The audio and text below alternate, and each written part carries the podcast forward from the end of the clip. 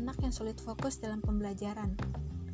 Dalam proses pembelajaran di sekolah, aktivitas belajar tidak selamanya dapat berjalan dengan lancar. Kemungkinan ada saja masalah yang ditemukan, terutama masalah kesulitan fokus belajar yang dialami oleh peserta didik. Kesulitan belajar bagi siswa bisa bermacam-macam, apakah itu dalam hal ketidakfokusan saat menerima pelajaran, menyerap pelajaran, ataupun keduanya. Setiap siswa pada prinsipnya mempunyai hak untuk mencapai prestasi belajar yang memuaskan. Namun, yang paling dibingungkan dalam contoh kasus ini, meskipun siswa tersebut tidak fokus belajar saat di kelas, namun hasil-hasil ulangan yang dikerjakannya pun bisa menunjukkan hasil yang bagus, sehingga siswa tersebut dapat memasuki ranking lima besar. Tetapi hal ini tentu saja tidak bisa dibenarkan karena dalam sekolah, peserta didik diajarkan untuk bisa fokus dalam belajar. Lalu, bagaimana caranya agar kita sebagai guru bisa membuatnya untuk fokus belajar dan memperhatikan guru yang sedang menerangkan meskipun hasil belajaran siswa tersebut berikan itu baik? Maka dari itu, akan saya ulas dengan mengaitkannya dengan Ganyer Nines Event. Ruang kelas adalah tempat yang sangat sibuk dan riuh, sehingga fokus visual dan perhatian dari anak bisa terhambat karena banyaknya pengalih perhatian. Bentuk pengalih perhatian tersebut bisa berasal dari murid lain, pintu yang terbuka, jendela, lampu, dan lain sebagainya yang bisa mengganggu fokus visual perhatian peserta didik. Terkadang, proses belajar mengajar tidak cukup menarik bagi murid sehingga konsentrasi belajar mereka mudah buyar. Oleh karena itu, tahap pertama untuk bisa menarik perhatian peserta didik yang tidak fokus belajar yaitu kita sebagai guru harus bisa memulai kelas dengan semenarik mungkin. Terkadang, peserta didik tidak selalu siap dan fokus pada awal pembelajaran. Alangkah baiknya kita melakukan aktivitas yang dapat menarik perhatian peserta didik tersebut. Harapannya, peserta didik bisa lebih semangat dan termotivasi untuk fokus mendengarkan materi yang akan diberikan. Guru perlu menimbulkan minat dan perhatian peserta didik melalui penyampaian sesuatu yang baru, menyapa dan menanyai kabar peserta didik tersebut.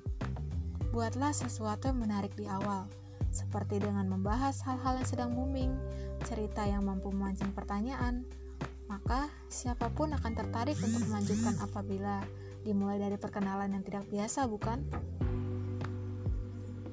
Selanjutnya, dalam menerapkan metode untuk meningkatkan konsentrasi belajar siswa, guru dapat mengatur bahan serta materi pelajaran yang menarik agar mengundang perhatian dari siswa seperti menggunakan video pembelajaran yang menarik, games yang mengandung materi pendidikan, materi pelajaran disajikan juga dengan menggunakan metode yang disukai peserta didik, yaitu tidak terlalu formal yang hanya mengandalkan ceramah karena bisa terkesan membosankan dan anak kehilangan fokusnya.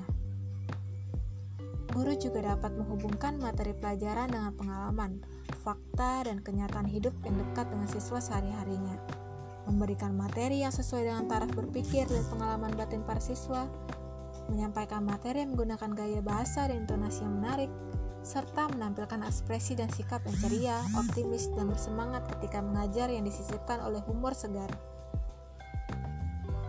Menyelipkan humor dalam pelajaran dapat dilakukan oleh guru dengan berkomunikasi menggunakan sisipan kata-kata dalam bahasa yang dapat membuat siswa tertawa. Tentu saja, sisipan humor ini tidak boleh dilakukan secara berlebihan dan perlu dipertimbangkan tingkat kepantasannya sebelum dilemparkan kepada para siswa. Misalnya, tidak menyisipkan humor berbau seksual atau sara dalam pelajaran.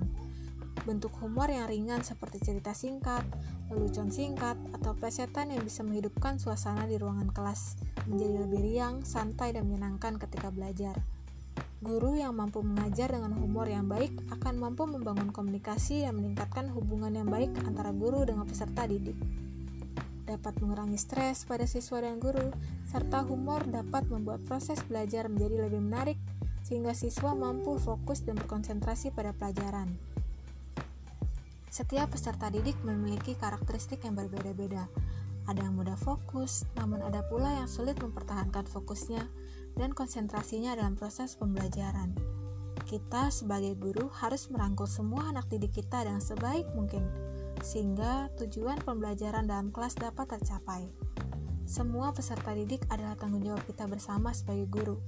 Oleh karena itu, guru harus bisa melakukan berbagai cara agar bisa menarik perhatian peserta didik untuk fokus dalam pelajaran.